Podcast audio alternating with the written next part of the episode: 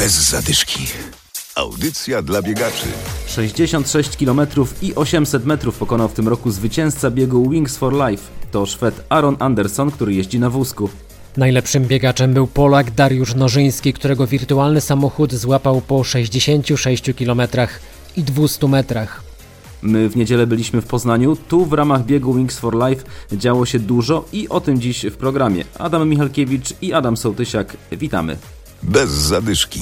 W tym roku w związku z pandemią znów nie było biegu ulicami Poznania, nie było także Adama Małysza i jego samochodu. Była za to aplikacja w telefonie, która umożliwiała start dziesiątki, a może nawet setki biegaczy.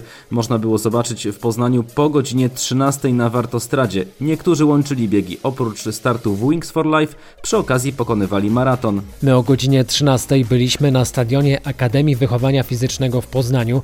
Tu w biegu Wings for Life wystartowali poruszający się na wózku Krzysztof i Piotr. Nazywam się Anna Krzyżańska. Jestem fizjoterapeutką. Dzisiaj bierzemy udział w biegu Wings for Life z naszymi pacjentami. No o 13 nasi pacjenci będą już gotowi w egzoszkieletach y, i wystartujemy razem z całym światem.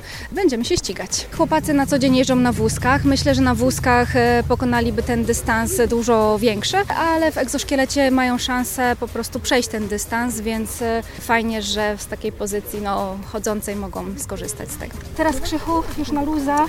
Dobra, zapnij. A cieszysz się, że uda się tutaj wystartować? Bardzo. B- bardzo się cieszę. Kto, kto będzie pierwszy? Będzie tutaj. Trzy, dwa, jeden.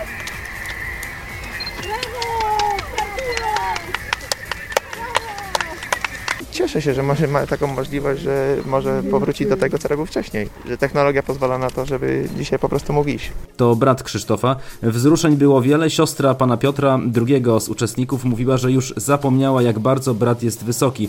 Piotr Pawłowski walczy ze stwardnieniem rozsianym. Dzięki egzoszkieletom panowie mogli wstać i ruszyć na trasę Wings for Life. Przepraszam, jak idzie? Dobrze idzie. Dobrze idzie. Stabilnie. Adam Małysz w pracy 13.30, czyli już powinien powoli wyruszać, No tak? to chyba nas złapie.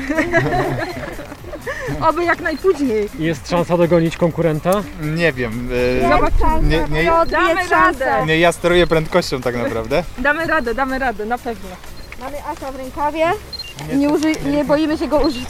Czyli na ostatniej prostej, rozumiem, będzie Tak, turbo. Może się uda.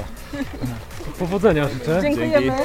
Wirtualny Adam Małysz w aplikacji w telefonie dogonił startujących po kilkuset metrach. Zmęczony, zadowolony. Który moment był tutaj najtrudniejszy na tym? E, sta, start. Start był najtrudniejszy, bo trzeba było tak e, poukładać to wszystko szybko. No niestety trzeba było zrobić małą przerwę techniczną. Dlatego nas wyprzedzili o te 10 metrów. Ale się udało.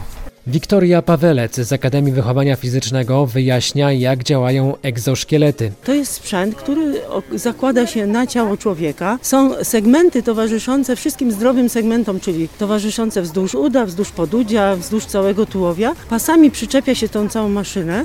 Ona posiada silniki w odpowiednio towarzyszących analogicznych dużych stawach, takich jak biodrowy, kolanowy. To wokół jest ta maszyna wyposażona w silniki i właśnie te silniki przejmują odpowiednie funkcje zamiast funkcji utraconych u osoby nie, z niepełnosprawnością. Przede wszystkim egzoszkielety służą osobom niepełnosprawnym, które mają albo urazy rdzenia, albo całkowite przerwanie rdzenia oraz inne schorzenia neurologiczne. I te osoby z niepełnosprawnością nie mogłyby się poruszać w pionie samodzielnie. Często mają trud y, chodzenia o laskach.